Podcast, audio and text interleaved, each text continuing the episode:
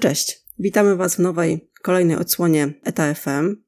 W tym razem cykl bardziej intermodalny. Ja nazywam się Marta Waldman, a ze mną jest znany Wam z kilku poprzednich już odcinków specjalnych Miłosz Witkowski, dyrektor działu kolejowego firmy Polish Forwarding Company.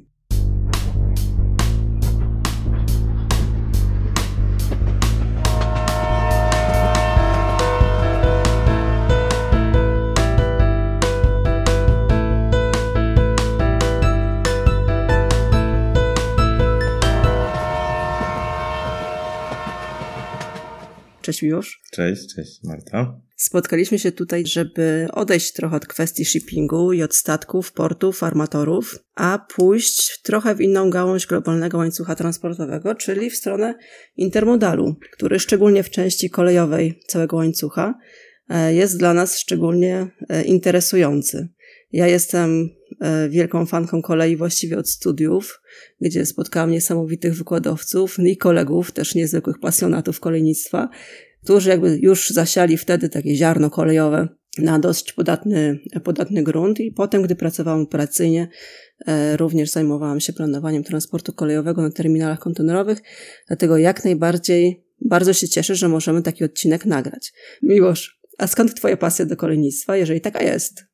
Mm, u mnie troszkę inaczej. Ja, ja co prawda studiowałem też e, transport, ale sterowałem, e, znaczy studiowałem i inną specjalizację, bo sterowanie ruchem drogowym, e, a nie kolejowym była też specjalizacja sterowaniem kolejowym, e, ale jakoś moje drogi gdzieś tam potoczyły się w inną stronę i e, zacząłem pracować w spedycji, najpierw u armatora morskiego, potem w spedycji, no i w pewnym momencie mojej kariery przyszedł taki moment, że trzeba było zająć się właśnie przesyłkami kolejowymi. No i powoli, powoli zacząłem coraz głębiej e, wchodzić w ten świat kolejowy, który mi się bardzo spodobał. I tak już od bodajże ponad czterech lat e, tą koleją się zajmuję. Tak. Głównie na jednym szlaku, ale bardzo teraz mocno też e, staram się rozwijać intermodal po Europie. Mhm. Czyli z Twojej strony mocno ugruntowana operacyjna wiedza. Taka można by powiedzieć, tak, że no, ja zaczynałem, na... zaczynałem od, od morza, to było jak gdyby, e, tym się zajmowałem w poprzednich firmach, e, gdzieś tam u armatora właśnie morskiego, tak, e, i w poprzedniej firmie, jeszcze we wcześniejszych firmach spedycyjnych. No ale w pewnym momencie z morza przerzuciłem się na kolej no i bardzo fajnie się w tym odnalazłem. Uważam, że to jest e, super sprawa, e, no i bardzo przyszłościowa, tak? No tak. Spotkaliśmy się tutaj, e, żeby na tej naszej pierwszej intermodalnej rozmowie, bo mam nadzieję, że będzie ich więcej i na razie nie zdradzamy naszych planów, ale mamy tutaj szeroko zakrojone plany z Miłoszem, jakby ten, tą gałąź rozwinąć. Potwierdzam. E, ale dzisiaj chcielibyśmy opowiedzieć e, naszym słuchaczom trochę o szczególnym dla nas, a dla Ciebie pod względem operacyjnym tym bardziej, nowym jedwabnym szlaku, czyli szlaku do Chin, czy z Chin do Europy, E, zasadach, e, jakimi ta droga towarów e, się kieruje. No ale od początku nowy jedwabny szlak, czyli inicjatywa One Belt, One Road. Inicjatywa, która wyszła w 2013 roku od Xi Jinpinga, prezydenta Chińskiej Republiki Ludowej. Ostatnio na wielu spotkaniach była poruszana ta kwestia nazewnictwa. Jedni mówią inicjatywa Posta Szlaku, inni Nowy Jedwabny Szlak, inni jeszcze, że to jest po prostu chińska kolejka. Czyli czym jest ten nowy jedwabny szlak w kontekście całej inicjatywy? Miłosz, powiedz nam. E, no tutaj dla mnie szczerze to jest kwestia troszkę może odbioru tego, jak to, to nazywa, bo ta inicjatywa rzeczywiście One Belt, One Road e, jest jak najbardziej ogłoszona przez Xi Jinpinga i to jest taki szeroki projekt. On nie tylko dotyczy kolei, tak, ale to też chodzi o drogi lądowe, drogi morskie, więc to jest tak gdyby trochę szerszy projekt, dlatego ja nie lubię używać tego e, określenia, a ten nowy jedwabny szlak bardziej się kojarzy jednak z koleją, e, dlatego ja tak e, bardziej gdzieś w rozmowach e, rozmawiam właśnie e, o nowym jedwabnym szlaku, tak, który, który kojarzy się głównie z koleją, tak. Mhm. A tak po datach to nawet sprawdziłem, ostatnio pierwszy pociąg, e, taki block train, tak, z Chin do Europy ruszył 18 grudnia 2012 roku z Chengdu do Łodzi. E, chociaż też e, w jakichś rozmowach z niektórymi mm, osobami, które może jeszcze dłużej niż ja w kolei siedzą, usłyszałem, że w ogóle pociągi z Chin do Europy jeździły nawet jeszcze i w 2008 roku, tylko to były no, niezbyt tak popularne i podejrzewam, że one mm, nie skupiały się na kontenerach, tak jak w tej chwili mm -hmm. jest, tylko to były towarowe bardziej pociągi. Więc generalnie mm -hmm. to połączenie było już od długiego czasu znane, tylko niepopularne, tak?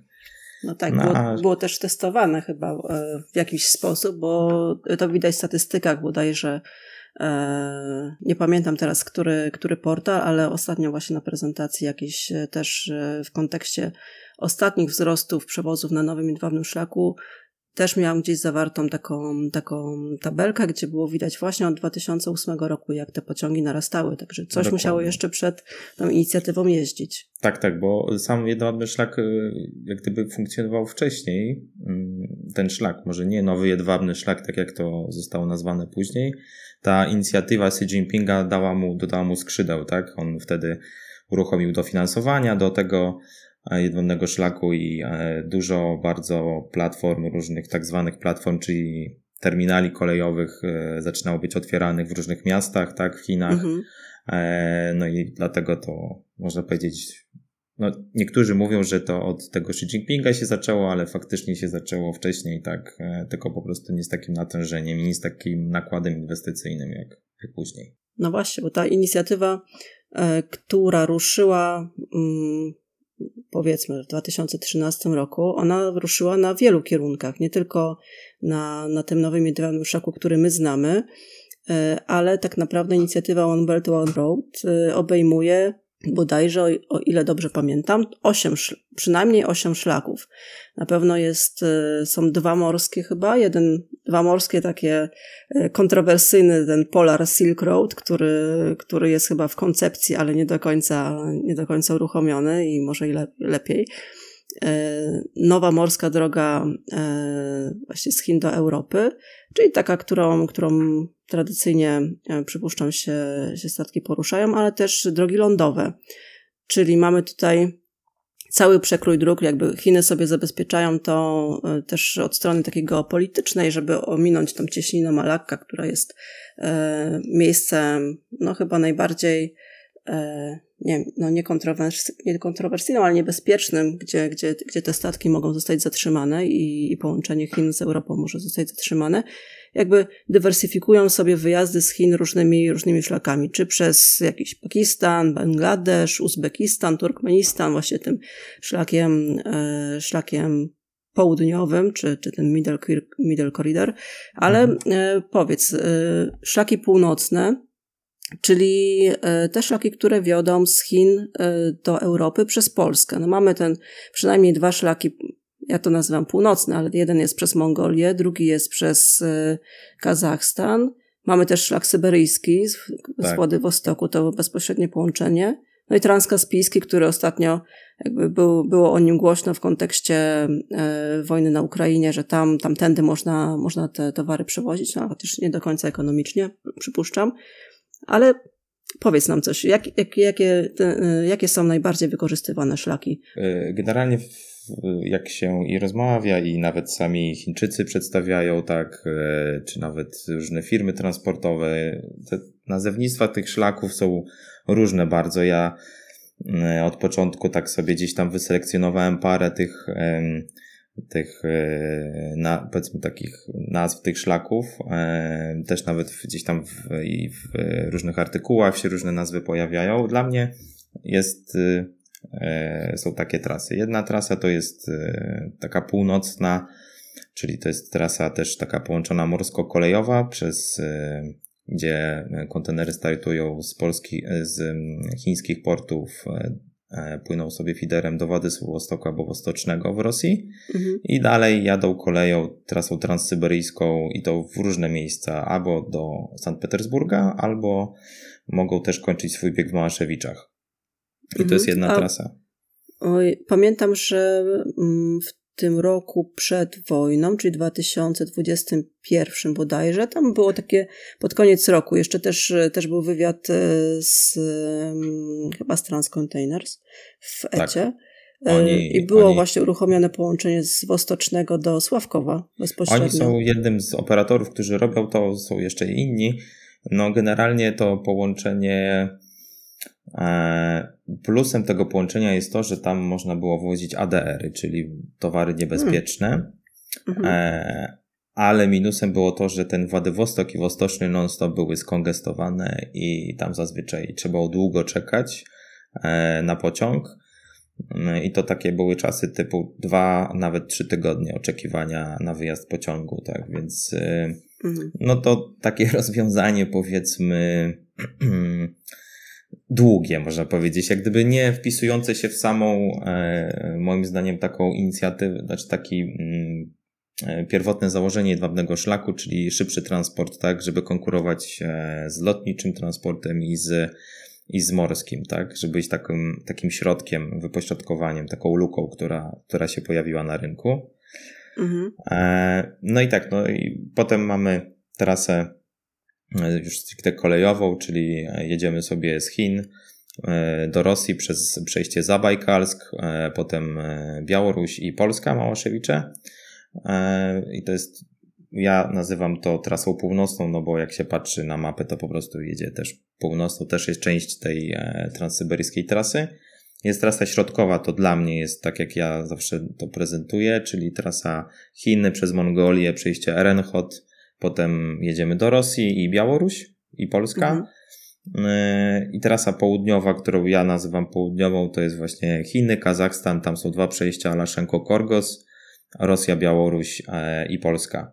E, no i ostatnia, to o czym już wspomniałaś, ten Middle Corridor. On nawet się nazywa South Corridor, tylko Middle Corridor. Mhm. E, I to jest takie połączenie właśnie też, e, czyli Chiny, Kazachstan, Morze Kaspijskie, Azerbejdżan, Gruzja i kolejne morze.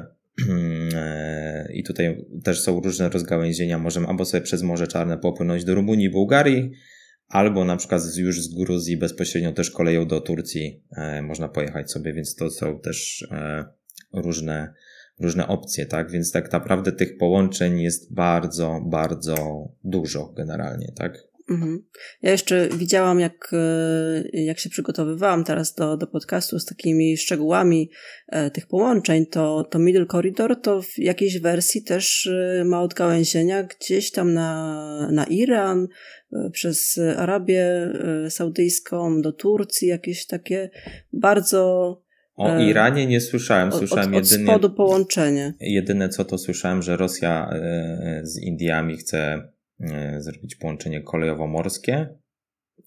Też chyba właśnie przez Iran wiodące i tam jest jedna, jeden kawałek morzem, no mhm. no bo przez Himalaje nie przejadą. Ale żeby ten Middle Corridor, może, nie wiem, ten, generalnie ta inicjatywa Middle Corridor jest, ona z jednej strony jak się na to popatrzy, tak, jest mało opłacalna z finansowego punktu widzenia i nawet z operacyjnego punktu widzenia, ponieważ mamy e, dwa morza, które trzeba przepłynąć. Przeładunków mhm. jest bardzo dużo, transit time wydłuża się. W każdym państwie mamy inne procedury celne, więc to wszystko no generalnie no troszkę stawia ten produkt pod znakiem zapytania, ale niemniej jednak cały czas widać, że się te kraje, te państwa, które biorą udział w tym, nie poddają i cały czas e, inwestują. E, też wiem, że starają się o jakiś zunifikowany list przewozowy, żeby też te procedury celne uprościć, tak, Aha. więcej fiderów na Morzu Kaspijskim dodawać i tak dalej. Więc no z jednej strony jest to, mm, jak się popatrzy z, z boku, E, taka inicjatywa, która teoretycznie nie ma, nie ma troszkę prawa bytu, bo jest to droższe, dłuższe, też tranzyt tam jest praktycznie taki sam jak e, morze, albo czasem nawet dłuższy. Mm, no ale jak gdyby te kraje, które po drodze są, bardzo mocno inwestują to i podejrzewam, że w przyszłości to zostanie na tyle dopracowane, że będzie rzeczywiście jakąś realną alternatywą, szczególnie dla południa Europy, typu Turcja, typu właśnie Bułgaria, Rumunia, może. Włochy nawet, tak, e, że to będzie jakaś tam taka, mm, e, taka, taka alternatywa, która rzeczywiście będzie, będzie konkurowała też i transit time'em, tak. No tak, bo teraz jest y, y, dłużej, y, drożej i trudniej, nie? Bo tak, dokładnie. Tyle, dokładnie. ile tam Znam też przypadki takie, kiedy mm, powiedzmy ktoś zabukował dużą partię kontenerów, powiedzmy, nie wiem, 10 na przykład kontenerów e, na jednym pociągu z Chin. Te kontenery dojechały sobie do Baku i tam zostały podzielone na pół, no bo nie wszystkie załadowały się na feeder, mhm. więc pięć sobie popłynęło, pięć poczekało, te pięć, które dopłynęło na drugą stronę morza, musiało poczekać na te kolejne pięć i tak dalej, tam się też gdzieś dzieliły, więc generalnie e, cały, cały towar e, dojechał bardzo rozłożony, tak, więc mm, no mówię, no to jest, sądzę, że mm, inicjatywa też tak, jak gdyby, która pokazuje, że nie ma rzeczy niemożliwych i z, jeżeli ktoś będzie bardzo uparty, no to wtedy rzeczywiście może coś z tego dobrego wyniknąć, ale sądzę, że jeszcze troszkę tam czasu potrzeba, żeby to dopracować, tak? Mhm, Przynajmniej dla Polski, dla Niemiec, dla Europy Zachodniej na razie nie jest to alternatywa. Generalnie Małaszewicze i te połączenia wszystkie, które są przez Małaszewicze królują. Bardzo ubolewam nad tym, że połączenie do Sławkowa zostało E, przerwane, bo było jeszcze jedno połączenie. Ono było przez e, Ukrainę, no ale z wiadomych względów e, to połączenie nie, nie funkcjonuje w tej chwili, bo mhm. też bardzo dobrze sobie radziło i się rozwijało. Coraz więcej serwisów się pojawiało do Sławkowa i były bardzo dobrą, było to bardzo dobra alternatywa dla zatłoczonych Małaszewicz, które miały swoje problemy, e, jeżeli chodzi o kongestię, tak? Dokładnie. Ja pamiętam, jak, e, jak właśnie e, chłopacy w ETA rozmawiali i między sobą i z gośćmi o tym, że to jest jakby szansa dla dalszego rozwoju, bo Małaszewicze w tamtym czasie już po prostu nie wyrabiały i, mm, i szukano różnych nie innych wyrabiały, to mało powiedziane generalnie. no, różnych innych terminali w, gdzieś tam w okolicy, przy granicy granicy e, e, mniejszej lub większej okolicy, żeby, e, żeby te ładunki przełożyć. Ale co mnie zainteresowało, jak powiedziałeś, że tylko na tej trasie z Wostocznego można, można ADR-y wozić. To normalnie tak. nie można z Chin? Nie. Z Chin na kolei, znaczy inaczej, to jest zasada kolei chińskich, bo to nie jest zasada, nie wiem, kolei kazachskich, rosyjskich czy białoruskich, to jest zasada mhm. kolei chińskich że towarów niebezpiecznych nie chcą akceptować. Jedyny e, wyjątek, jaki robią, to robią dla, teraz zrobili wyjątek dla samochodów elektrycznych, mhm.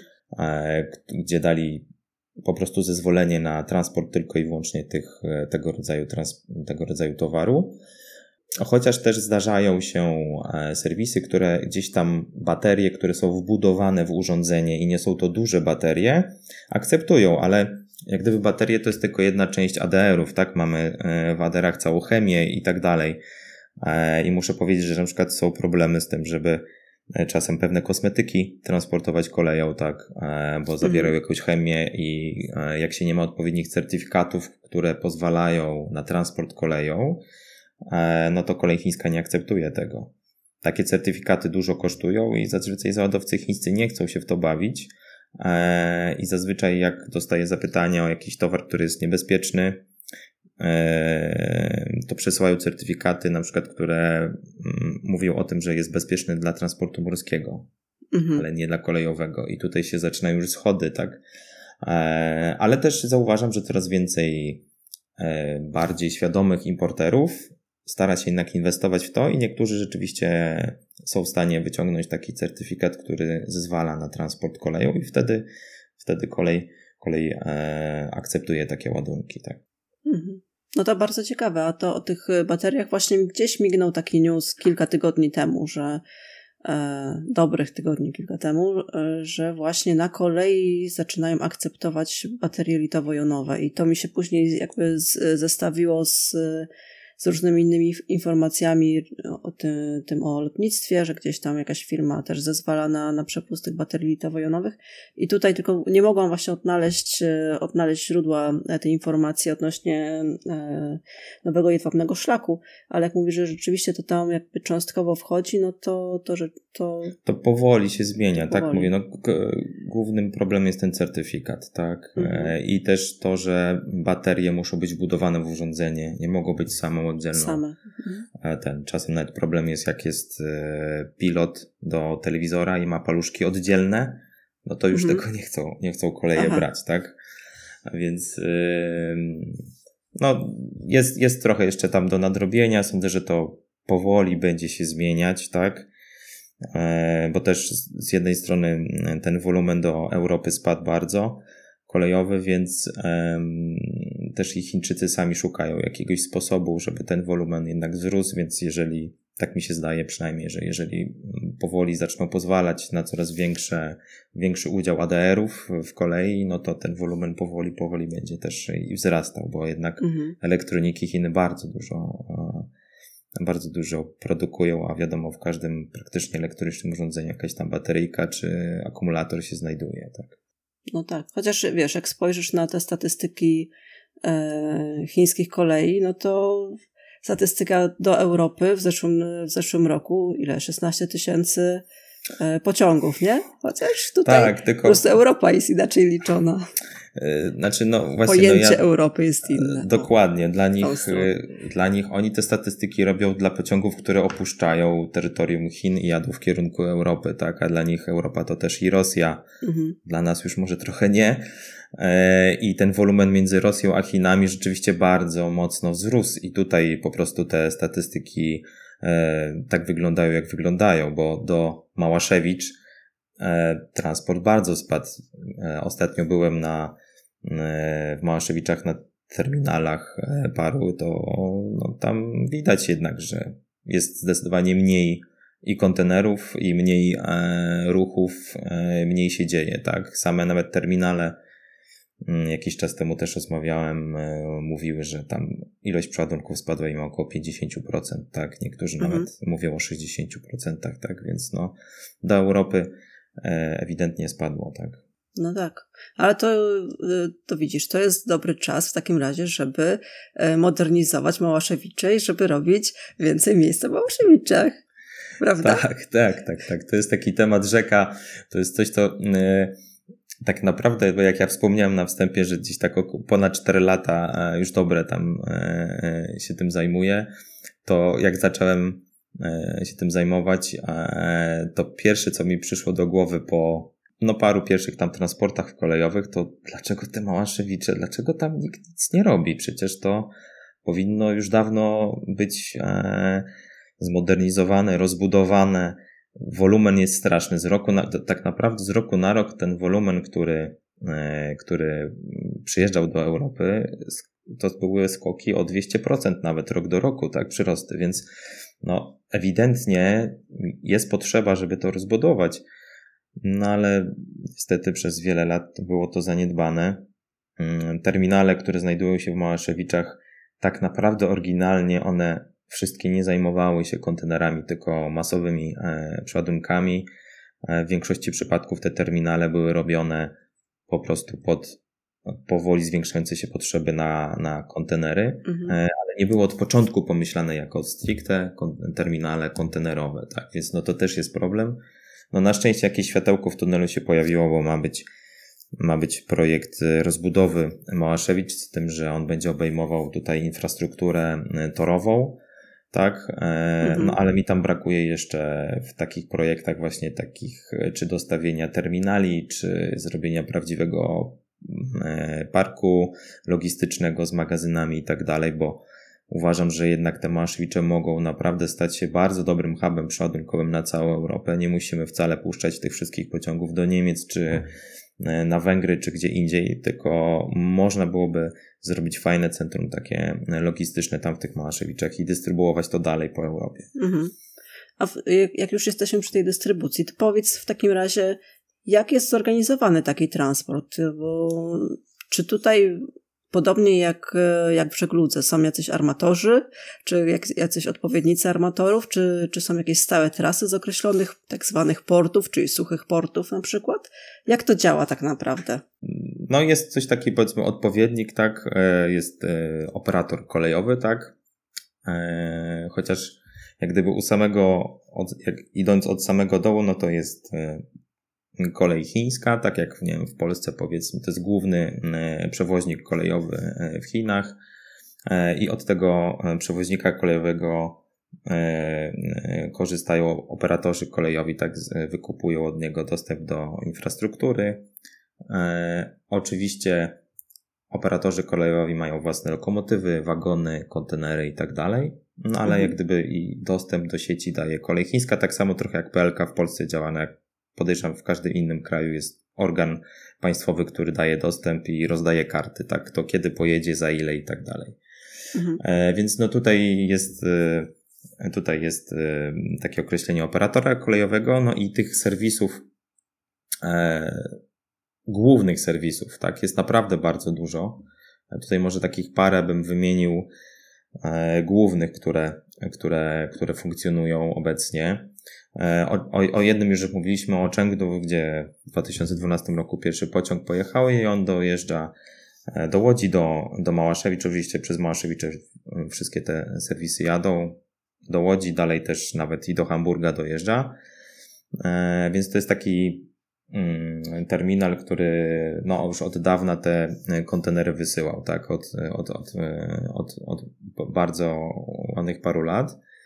Kolejnym, e, kolejnym serwisem, e, który funkcjonuje, który jest też na świeczniku, jest e, terminal w miejscowości Xi'an. Jest to wyjątkowe miejsce, ponieważ z tego miasta pochodzi Xi Jinping. Mm. więc jest tam bardzo dużo inwestycji. To jest terminal, znaczy to jest serwis, który oferuje bardzo dużo połączeń. Oni nie tylko robią połączenia do Europy, E, ale też robią połączenia wewnątrz e, Azji do różnych innych krajów, byłych mm, e, postsowieckich krajów, tak? Więc mhm. oni bardzo szeroko, mają bardzo szeroką ofertę, jeżeli chodzi o, o połączenia kolejowe, tak? Tak naprawdę też jak słyszało się, że jakieś nowe połączenie do Europy pokazywało się, pojawiało się, czy na przykład właśnie do Sławkowa, czy E, do Włoch, czy do, nie wiem, Budapesztu, czy e, gdziekolwiek indziej w Europie, to pierwsze te pociągi z Sianu jechały, tak? To jest taki, e, taki terminal, który pierwszy gdzieś tam puszcza pociągi, mhm. dalej tworzy nowe serwisy, tak? No i jak gdyby jest tym, można powiedzieć, oczkiem w głowie prezydenta Chin, tak? Więc jest bardzo terminal mocno... Terminal wzorcowy tak, taki. Dokładnie, jest mocno E, rozwijany tak i wspierany. E, kolejne to Chongqing, które też jest takim troszkę konkurentem dla Chengdu. One w między w tym samym czasie gdzieś tam powstawały, więc oni, one tam ze sobą też konkurują. Na północy Chin jest Zhengzhou, które e, na przykład to jest też dosyć ciekawe, ma serwis do Katowic, więc na przykład ktoś, kto jest na południu Polski, E, może korzystać z takiego serwisu, tak? Bo wtedy odwóz kontenera z Katowic do, e, do gdzieś tam na południe Polski jest tańszy niż e, pobieranie kontenera z Małaszewicz, tak? Mhm. Ale to też przez Małaszewicze przejeżdża. Tak, to przez Małaszewicze przejeżdża. No w tej chwili nie ma innych połączeń, tak? Mhm tak jak mówię, no, Sławków został, został e, skasowany. Oczywiście jeszcze jest jedno połączenie, znaczy inaczej, jest jedno, jeden terminal w Siemianówce i on też funkcjonował i też o dziwo Sian tam jeździł, tak? Czyli mhm. serwis Sian tam e, kończył swój bieg i e, bodajże dalej jeszcze jechał w Europę, ale w tej chwili ten serwis jest zawieszony. Tak więc no wszystkie te serwisy kończą się w Małaszewiczach. Więc jest ten Zengsu, jest Suju, który jest bardzo blisko e, Suju i Iwu. To są dwa takie terminale, gdzie e, one są blisko położone Szanghaju i Ningbo, więc jak gdyby też są można powiedzieć, preferowane dla tych e, dwóch miast, tak, dla tych dwóch dużych ośrodków mhm. produkcyjnych. Jest Changsha. Changsha wyróżnia się tym, że oni zazwyczaj jeżdżą przez Mongolię, czyli tą trasą taką środkową, jak to ja nazywam.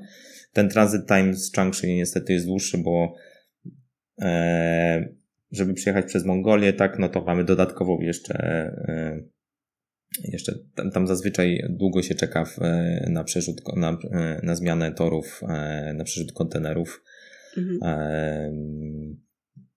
na granicy, więc tutaj jest troszkę dłuższy transit time, ale oni czasem też starają się ceną konkurować, tak, żeby być bardziej atrakcyjni cenowo, tak. Mhm. E, no i jeszcze tak, takim, można powiedzieć, znanym e, jest Wuhan, tak? To Wuhan to pewnie jest znane bardziej z tego, że że tam wybuch taki, taki wirus się pojawił, ale generalnie mm, ten Wuhan też od dawna e, funkcjonował. To też jest jeden, powiedzmy, z wiodących terminali, który wysyła kontenery do Europy, tak? I oprócz... Znany i nielubiany. No, tak. Chociaż z tego co pamiętam, jak był COVID, mm, to pociągi z Wuhan wyjeżdżały. Nawet jak był zamknięte, Wuhan samo było zamknięte, to chyba część pociągów wyjeżdżało mimo tego. Mhm. Pamiętam, że chyba były takie e, parę pociągów, które wyjechało. Mimo, że nie można było się zbliżyć do tego miasta, takie okolic.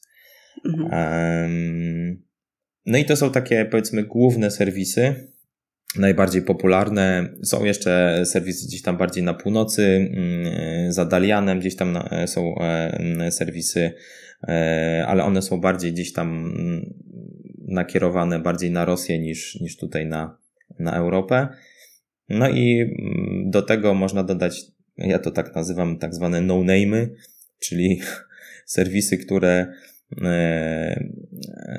które oferują jedno połączenie w miesiącu, tak, mhm. E, za bardzo niską stawkę, ale mm, może się zdarzyć tak, że dany pociąg, który był zarezerwowany, e, żeby wyjechał w miesiącu, niestety nie wyjeżdża, bo kolej chińska nie pozwala, bo jest jakieś gdzieś tam powiedzmy kongestia na granicy i nie chcą dodatkowego pociągu puszczać.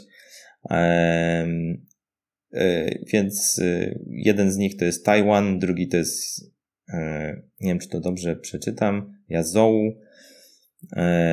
I to są takie, takie serwisy, które mówię, no, powiedzmy, jeżeli ktoś chce sobie zabukować kontener na początku miesiąca, a, a pociąg wyjeżdża w połowie miesiąca, no to może się okazać, że w połowie miesiąca nie wyjedzie, tylko wyjedzie w połowie kolejnego miesiąca, tak? Więc mhm. e, to jest taki typ serwisu. No ale są też i amatorzy takich, e, takich serwisów, tak? No tak, czyli ta, tani, a niepewny i właściwie w tym momencie nasuwa się pytanie, na co najbardziej zwracać uwagę przy wyborze takiego serwisu, bo z tego co mówisz, wychodzi na to, że cena tutaj wcale nie jest najważniejsza, czyli co? Mm, no właśnie nie, cena, cena nie jest najważniejsza. Najważniejsze e, w jedwabnym, znaczy w tych, w tych połączeniach z Chin, tak, jest przede wszystkim to, czy, to czym e, mm, jedwabny szlak zdobył serca tak wielu klientów, tak, czyli transit time, tak, ten czas transportu między Chinami a Europą i tak jak wspominałem, on został pomyślany po to, żeby wypełnić tą lukę między morskim transportem a lotniczym, żeby może nie konkurować z jednym i z drugim, ale być takim dopełnieniem, e, gdzie rzeczywiście można szybciej przesłać e, e, towary za wyższą cenę, ale nie aż tak wysoką, jakbyśmy wysyłali cały samolot, tak? Więc mhm. tutaj zdecydowanie trzeba zwracać uwagę na średni transit time, no i tutaj z tych głównych mm, terminali, tak, które się znajdują w Xi'an, w Chongqing, e, czy w Zhengzhou, tak, e, w Iwu teraz też ostatnio się poprawiło, to, to te serwisy e, mają, znaczy te pociągi, które wyjeżdżają z tych, z tych terminali mają najlepsze średnie czasy transportu, więc no to jest coś, co oczywiście jest tym głównym dla mnie, tak, i tym, co oferuję też klientom wyznacznikiem. Mhm. Oczywiście jaki też. Jest teraz, jaki jest teraz średni taki czas transportu? Średni czas transportu z, ze stacji nadania, czyli powiedzmy z Xi'an do Małaszewicz, to jest około 12-14 dni. Mhm. E, do tego trzeba do, doliczyć oczywiście czas na dowóz z na przykład, nie wiem, z Szanghaju do Xi'anu około, nie wiem, 5-6 dni. No i tam mamy taki ogólny transit time e, z Chin do 12-14 to jest e, to, co właściwie było zakładane, nie? Bo ja pamiętam, tak. że tak. E, że nie wiem, chyba rekordy to było 11 dni, tak mi się Nie, wydaje. było nawet i po 9. No, 8. Zdarzało coś, się. Coś mi tak świta, ale, ale nie, nie byłam pewna tych 9 dni.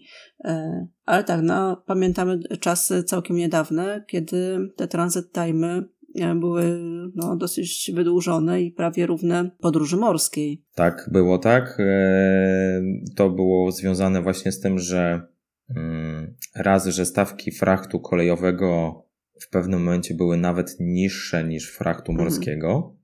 więc klienci myśleli, no dobra, to skoro ja muszę, mogę zapłacić mniej, a będę miał mhm. szybciej, no to ładujmy na kolej, Wszyscy nie? załadowali. No tylko Dokładnie, no i przeładowali ten cały e, jedwabny szlak, no i te nasze małaszewicze niedoinwestowane, tak? Więc e, no tu się zrobił problem, tak? Brzeście zresztą też sam jako, bo to no, w po stronie białoruskiej jest e, miejscowość Brześć i tam przyjeżdżają pociągi przed tym, jak przyjadą do Małaszewicz, i oni też tam mieli problem, tak, z obsługą tych pociągów. E, więc no, stąd się zrobił ten problem, tak?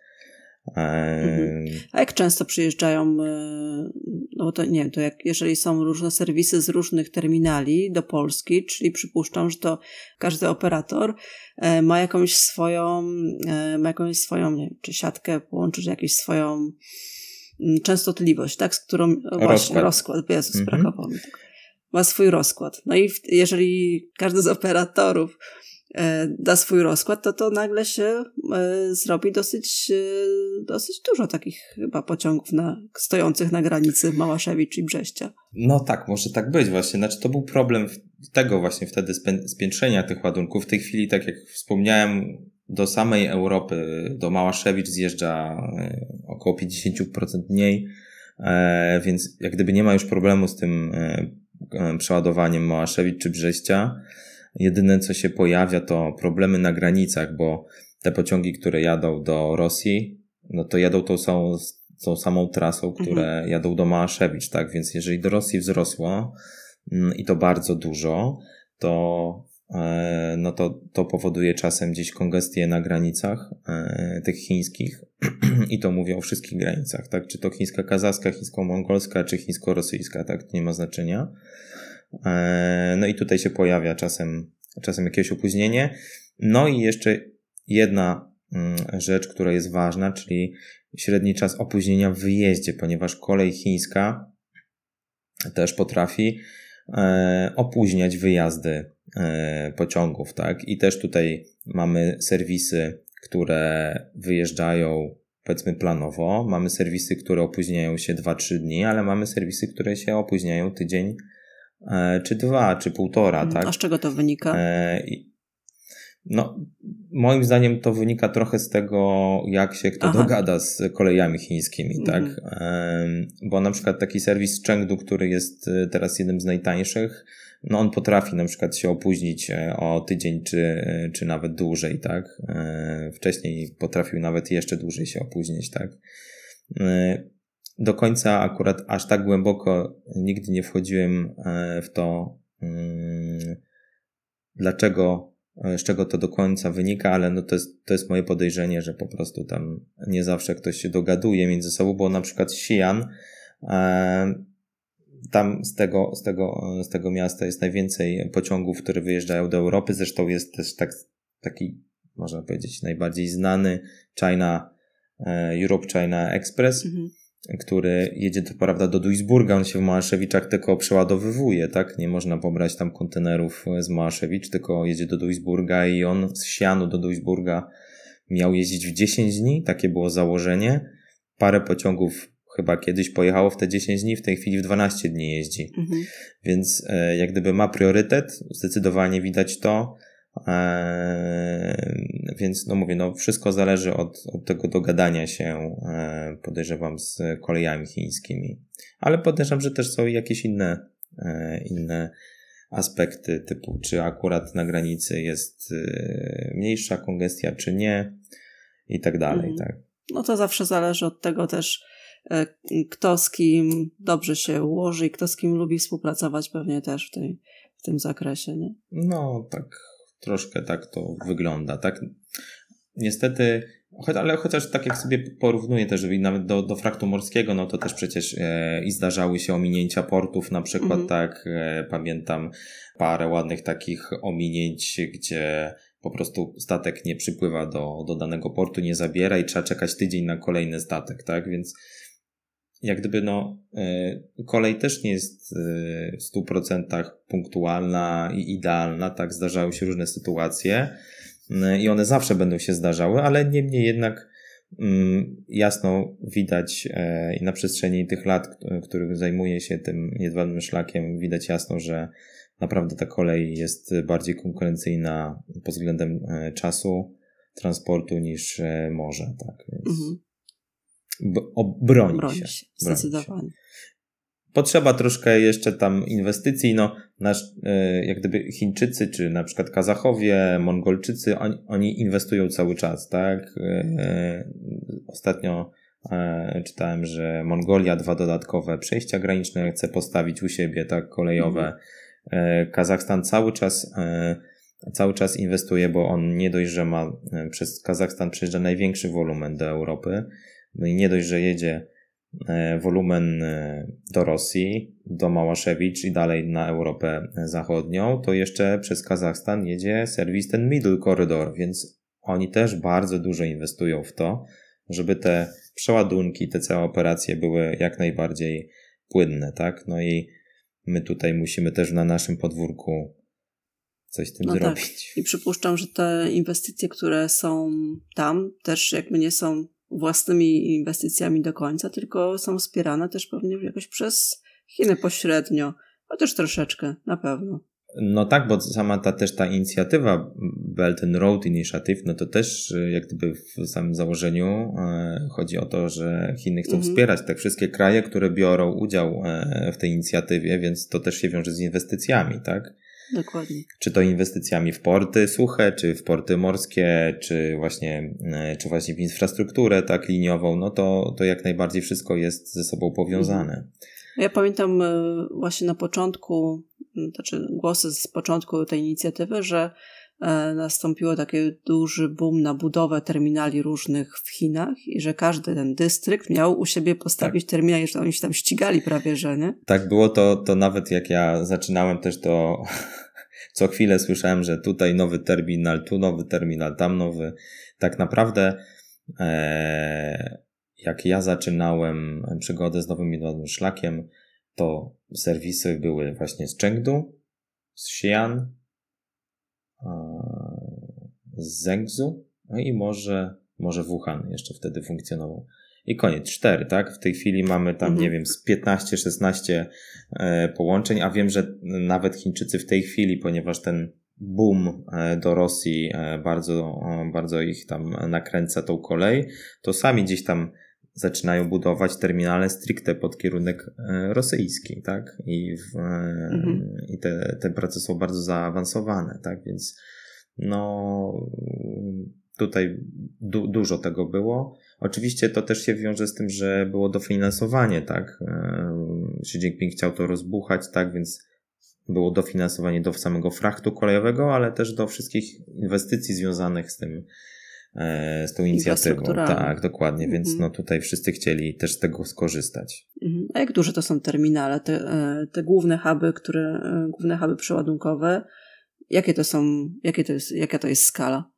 Oj, Trudno mi powiedzieć, bo, bo nie mam aż takich informacji, ale podejrzewam, że e, taki jeden terminal e, w Sianie to pewnie jest e, z pięć takich naszych Małaszewicz razem wziętych, tak? A w mhm. Małaszewiczach są cztery terminale kolejowe, więc no tam zupełnie inna skala jest zdecydowanie, tak? To, to jest, e, no, no też tak, tak, to jest takie to... trochę jak porównanie mhm. portów morskich, tak? Ostatnio w odcinku rozmawialiście o jakimś porcie rzecznym, który przeładował 2 miliony TIU chyba w e, pierwszy No to mi się wydaje, że to było właśnie Suju. Suju.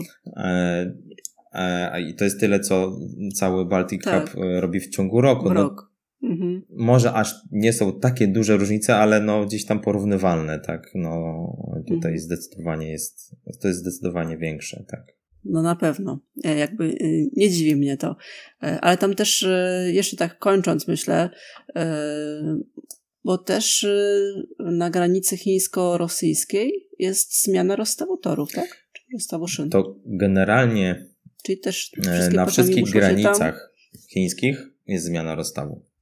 Bo Chiny, w mhm. Chinach jest, e, w Chinach e, jest rozstaw taki jak w Europie, a w Kazachstanie, Mongolii, Rosji jest rozstaw e, rosyjski, znaczy szeroki, tak?